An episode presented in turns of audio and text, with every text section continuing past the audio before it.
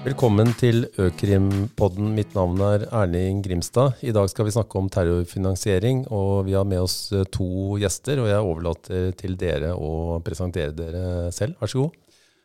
Takk skal du ha, Grimstad. Mitt navn er Finn Stuart Jorde.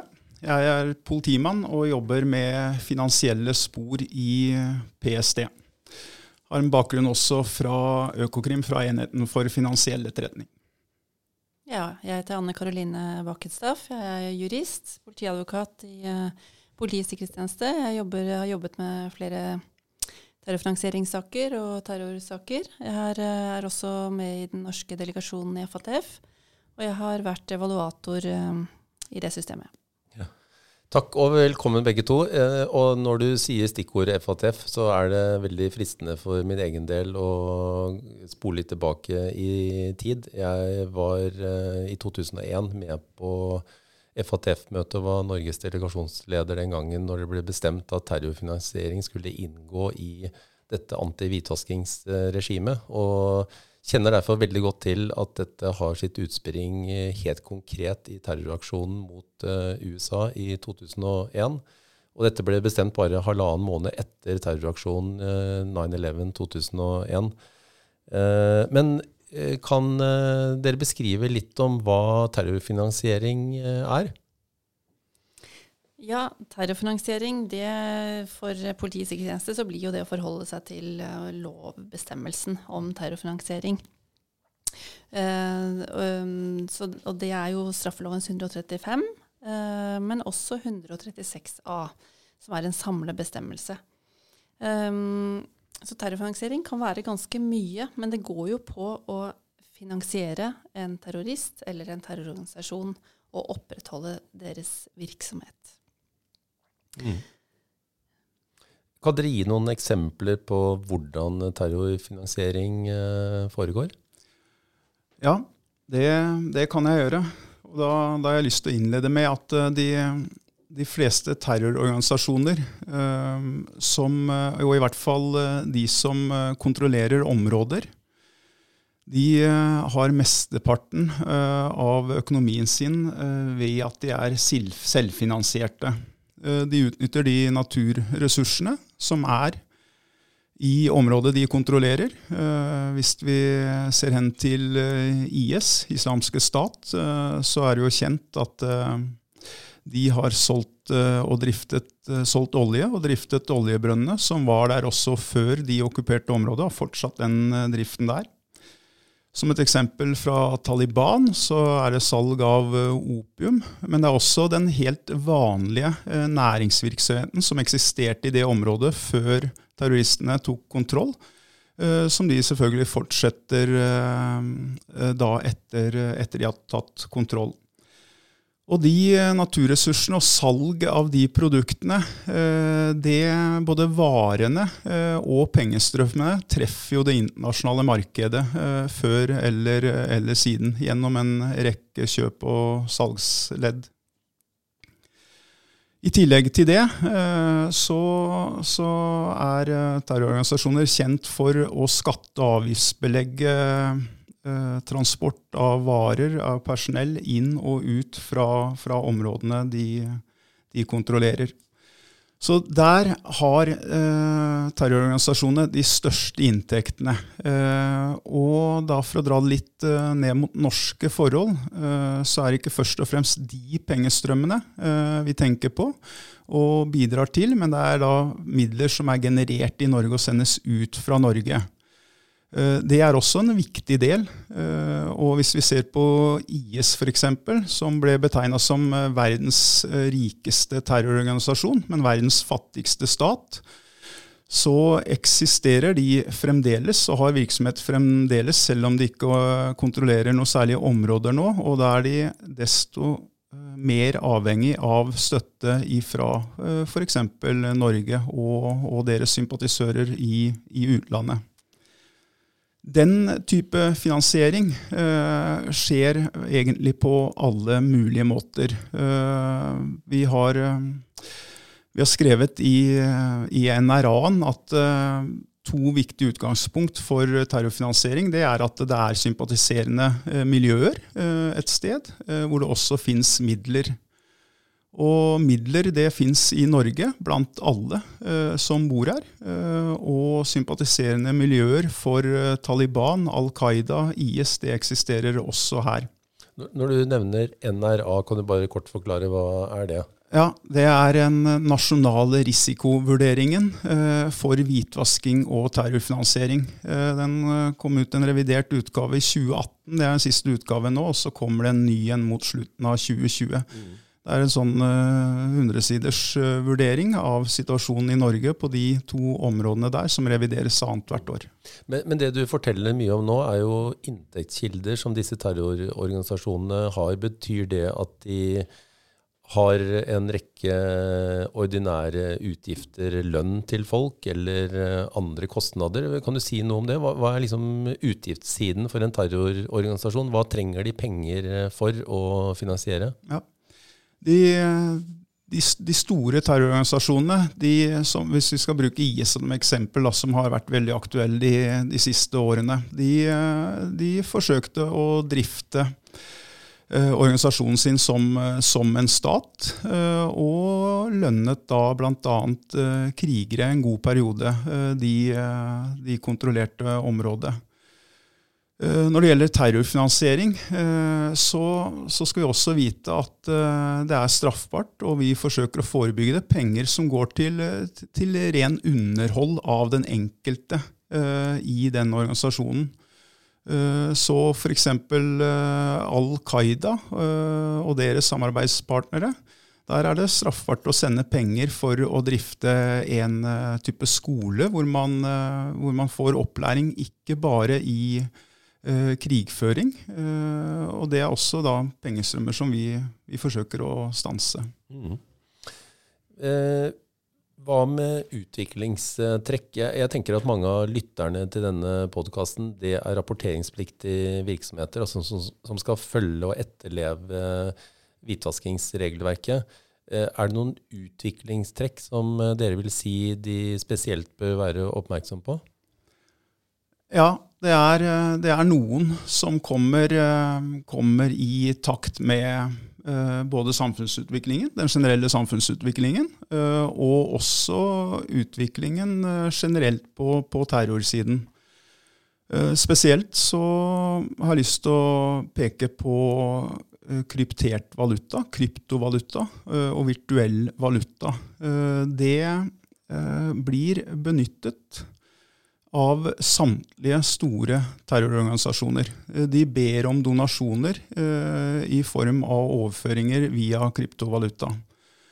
Så pengestrømmer eh, inn mot kryptert valuta, eller e-wallets og den type produkter, eh, er definitivt en, en indikator. Mm. I i tillegg til eh, det, eh, og det er ikke noen ny trend det, men det er eh, verdt å presisere nok en gang, og det er penger inn mot sentrale pengehubber, der man vet, i motsetning til hvitvasking, hvor, hvor undersøkelsessystemet er hvor, hvor midlene kommer fra, så er undersøkelsestemaet ofte på terrorfinansiering hvor pengene går til. Og de pengestrømmene som går inn mot det vi kaller pengehuber, som kan være spillkontoer, det kan være virtuelle konto, det kan også være innsamlingskonto, hvor ikke den enkelte rapporteringspliktige ser hvor den endelige destinasjonen på pengene er det er det verdt å følge ekstra godt med på. Og gjennomføre ikke bare en transaksjonsovervåking, men en kundekontroll som er med på å belyse den pengestrømmen, hvor de mm. pengene egentlig tar, tar veien. Men hva med kontanter? Er det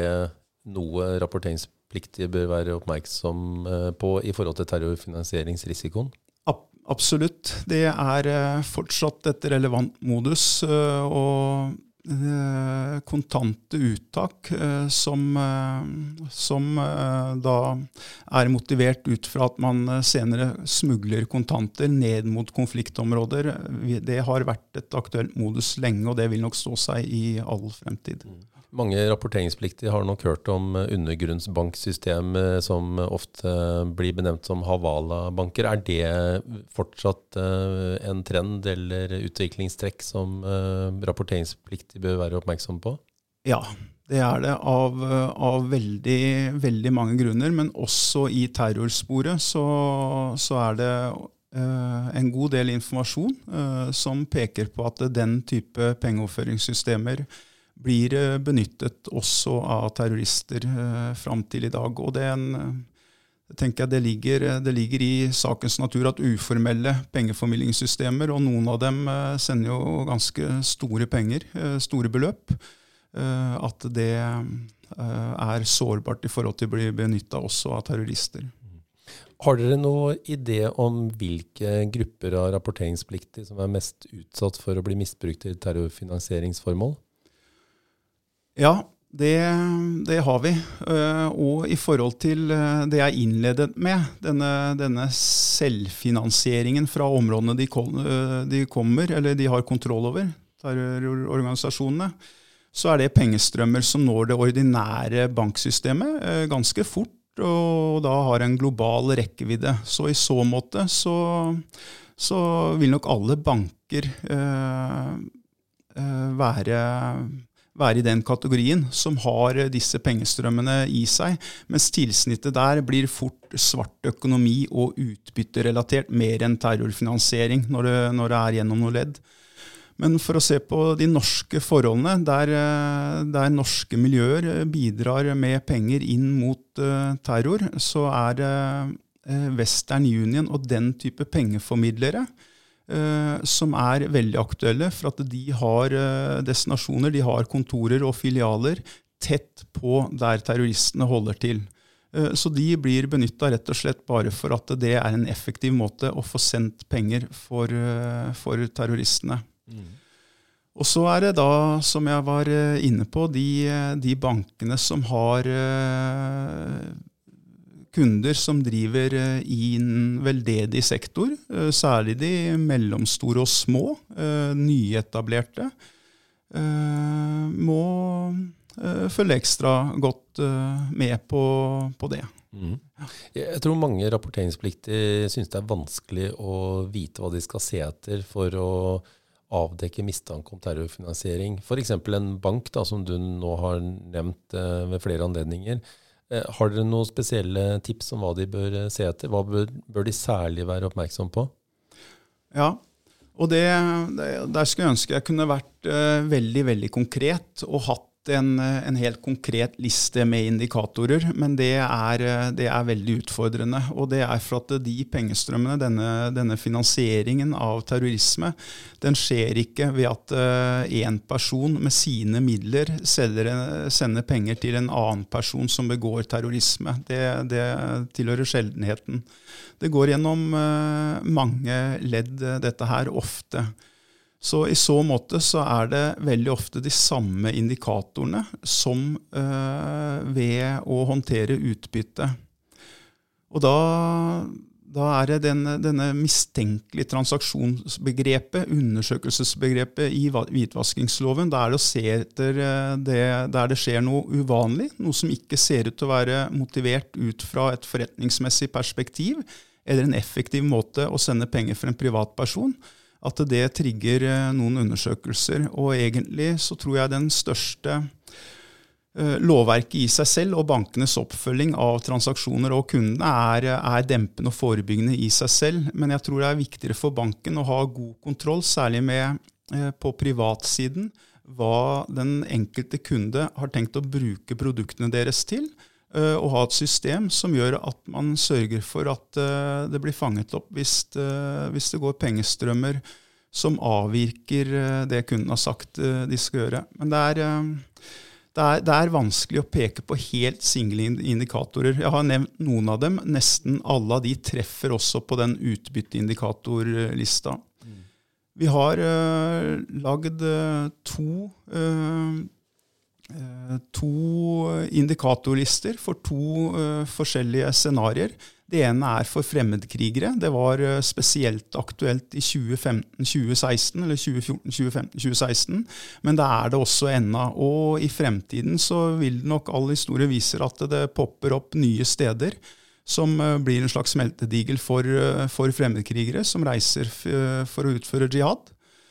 Og i, I det henseende så har vi en detaljert indikatorliste som er distribuert til alle bankene via Finans Norge. Og, hvis noen mangler den, så får de den fra, fra PST. Det er en 20-punktsindikator med hvordan en kontoutskrift til en fremmedkriger ser ut. Ja, bra, da, da vet de hvor de finner indikatorlisten også, for det tror jeg mange lurer på. Eh, men hvis en rapporteringspliktig, f.eks. da en bank eh, har en mistanke om terrorfinansiering, hva skal de gjøre da? Ja, eh, og det, den normale rapporteringskanalen der, det er å rapportere dette her. Eller først gjøre utfyllende undersøkelser. Og hvis det, de undersøkelsene ikke avkrefter mistanken, så blir det å rapportere til eh, Økokrim, eh, enheten for finansiell etterretning, akkurat det samme sporet som, som rapportering av utbytte. Og der de, Økokrim har et tett samarbeid med PST, så relativt fort etter den rapporteringen skjer, så vil PST ha et etterretningsprodukt hos oss og jobbe videre med. Den informasjonen blir gitt videre til oss. I forhold til uh, generell informasjon så står det de rapporteringspliktige fritt til å ringe og diskutere ting med oss på generelt grunnlag. Ja. Mm. Nå, nå, har du sagt litt om uh, hva rapporteringspliktige, særlig banker, skal være oppmerksom på. Hvordan terrorfinansiering skjer. Indikatorlister har du vist til osv. Du har fortalt litt om hvordan terrororganisasjoner opererer og utlegg, utgifter de har osv. La oss si at uh, vi kommer da til en situasjon hvor en bank uh, oppdager at her er det mistanke om terrorfinansiering og rapporterer. Da er jo fort et neste spørsmål hva med midlene som står på konto? Uh, er det noe mulighet for dere i PST til å fryse midler, eller skal banken gjøre det selv, eller hvordan skal dette foregå? Dere, er det noen av dere to som har noe svar på det? Det tror jeg mange lurer på. Jeg kan innlede, så kan eh, Anne Karoline fortsette. Eh, men eh, jeg tror i som, som de aller, aller fleste hvitvaskingsrapporter for øvrig, så, så, vil det være sjeldent det er aktuelt å fryse midlene på rapporteringstidspunktet. Selv om lovteksten legger opp til at det burde være veldig relevant. Men, men som regel er det ikke det. Det kan være det, og vi har også hjemler for å fryse det på eget grunnlag, enten det er i kjølvannet av en etterforskning eller i kjølvannet av en rapportering om mistenkelig transaksjon i kraft av hvitvaskingsloven. Men det kan Jeg skal gi ordet til Anne Karoline for å si litt om. Ja, det kalles båndlegging på norsk. Eh, vi kan også si frys av midler. Um, det er uh, hjemmel i um, politiloven. Det er endret nå i juli. Tidligere var det i straffeprosessloven. Um, men da kan Politiets sikkerhetstjeneste beslutte båndlegging av midler. Det forutsetter at man har mistanke om at det enten har foregått planlegging av terror eller terrorfinansiering eller um, deltakelse i en terrororganisasjon. Poenget er at det må være et visst nivå. Det må være en grad av mistanke.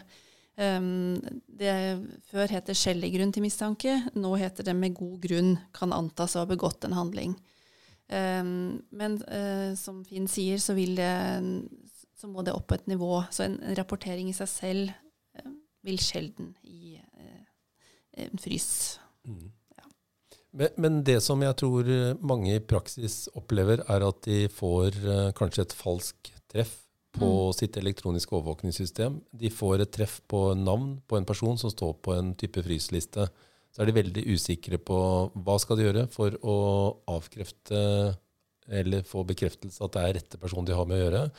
Uh, og det oppstår en usikkerhet. Uh, har dere noe råd å gi til bankene om det? Så, altså, bør de selv blokkere kontoen? Skal de gjøre det umiddelbart? Hvordan skal de gå fram for å gjøre disse uh, undersøkelsene? Og i mange av disse listene så er det jo personer som opererer med en rekke alias-navn, så det å identifisere rett person er jo i seg selv en utfordring. Men, men, hva vil dere si at banker bør gjøre i en sånn situasjon, hvor de ikke er helt sikre selv på om de har treff på en frystliste? frysliste? Skal de vente på at dere tar affære og fryser pengene, sperrer kontoen, stopper transaksjonen, eller bør de gjøre noe av eget tiltak, og i tilfelle hva? Ja, og det er eh, du, du, peker på en kjempeutfordring. Eh, men bare for å begynne med slutten. I de tilfeller man har eh, et sikkert treff mot en person som står på en av FNs sanksjonslister, så er de forpliktet til å fryse det beløpet selv uten videre seremoni mot, mot, PST eller EFE eller, eller hvem det måtte være. Det er relativt sjeldent det, det, skjer. Og så er det veldig veldig hyppig, har jeg inntrykk av når jeg snakker med finansinstitusjoner, på at man får treff på navnelikhet osv. De er dessverre, eller heldigvis, alt ettersom hvem som ser det, overlatt til seg selv som finansinstitusjoner å undersøke det videre. Mange av disse treffene her er generert på Eh, av utenlandsk bank og kommer fra korresponderende banker som nekter å gjennomføre transaksjonen. F.eks. hvis det er i dollar, så er det underlagt en rekke andre lister enn oss. Men, eh, men PST PSD og langt på vei også Økokrim, de må snakke for seg selv, men i hvert fall erfaring fra, fra tidligere når jeg jobbet der, og også UD har svært begrensa muligheter for å være med inn i vurderingen av det enkelte treffet når man snakker om volum. Men så er det en, eh, en, grense der for når eh, de egne undersøkelsene eh, er i ferd med å lande på at her har vi et reelt treff, og da vil den oppfølgingen fra, fra eller i hvitvaskingssporet komme i kraft av en, i kjølvannet av en rapportering av en mistenkelig transaksjon. Men så svaret på spørsmålet ditt, Grimstad, det, det blir at bankene er i stor grad overlatt til seg selv med de korresponderende bankene for å undersøke dette treffet her videre. Er det et reelt treff eller ikke? Eh, takk for det. Eh, jeg tror eh, mange etter å ha hørt på dette lurer på er det noen dokumenter de kan lese seg opp på. Er det noe man kan gjøre som nærmest selvstudium for å sette seg bedre inn i dette og få svar på mange av de vanskelige spørsmålene som vi bare har touchet på? Har dere noe, har noe liste eller noe oversikt sånn avslutningsvis på dokumenter som særlig banker bør være klar over? Ja, vi har, eh, vi har noen uh, som vi syns at eh, alle bør sette seg, sette seg inn i. Uh, den første er PSTs årlige trusselvurdering, uh, som, som, publiseres da i begynnelsen av, av, hvert år. Og eventuelle endringer av trusselnivået det publiseres på PSTs hjemmesider. Så PSTs åpne trusselvurderinger eh, bør, eh, bør, alle sette seg inn i.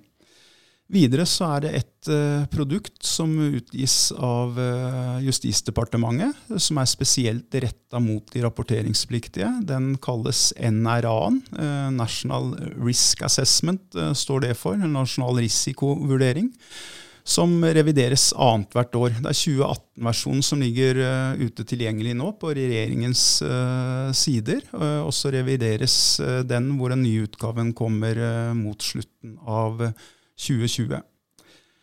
I tillegg til det, i og med at finansiering er et, er et internasjonalt fenomen, finansiering av terrorisme i, i, stor grad, så bør man lese Europol sin sin uh, situasjonsrapport. Den blir forkorta TSAT, uh, som er en oppsummering av terrorsituasjonen i EU-land. Uh, for årets utgave så oppsummerer den 2018 og sier litt om forventa situasjon inn mot 2019.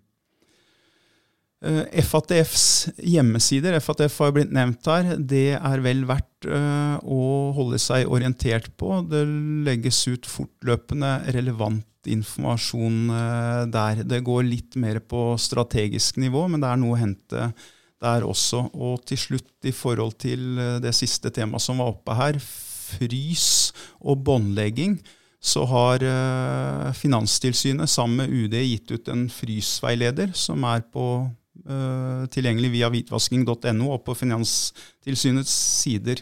Frysveilederen den er under revidering, men det er et uh, godt produkt å sette seg inn i. Mm.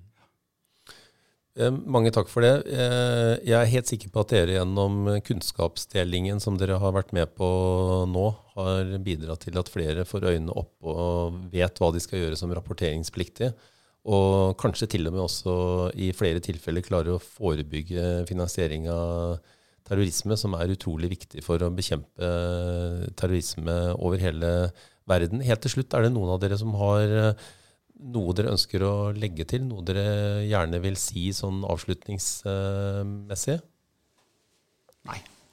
Da takker jeg så mye for at dere stilte opp uh, på dette, og at dere delte kunnskapen og hjelper rapporteringspliktige med etterlevelsen av det ganske kompliserte hvitvaskingsregelverket. Takk skal dere ha. Selv takk. takk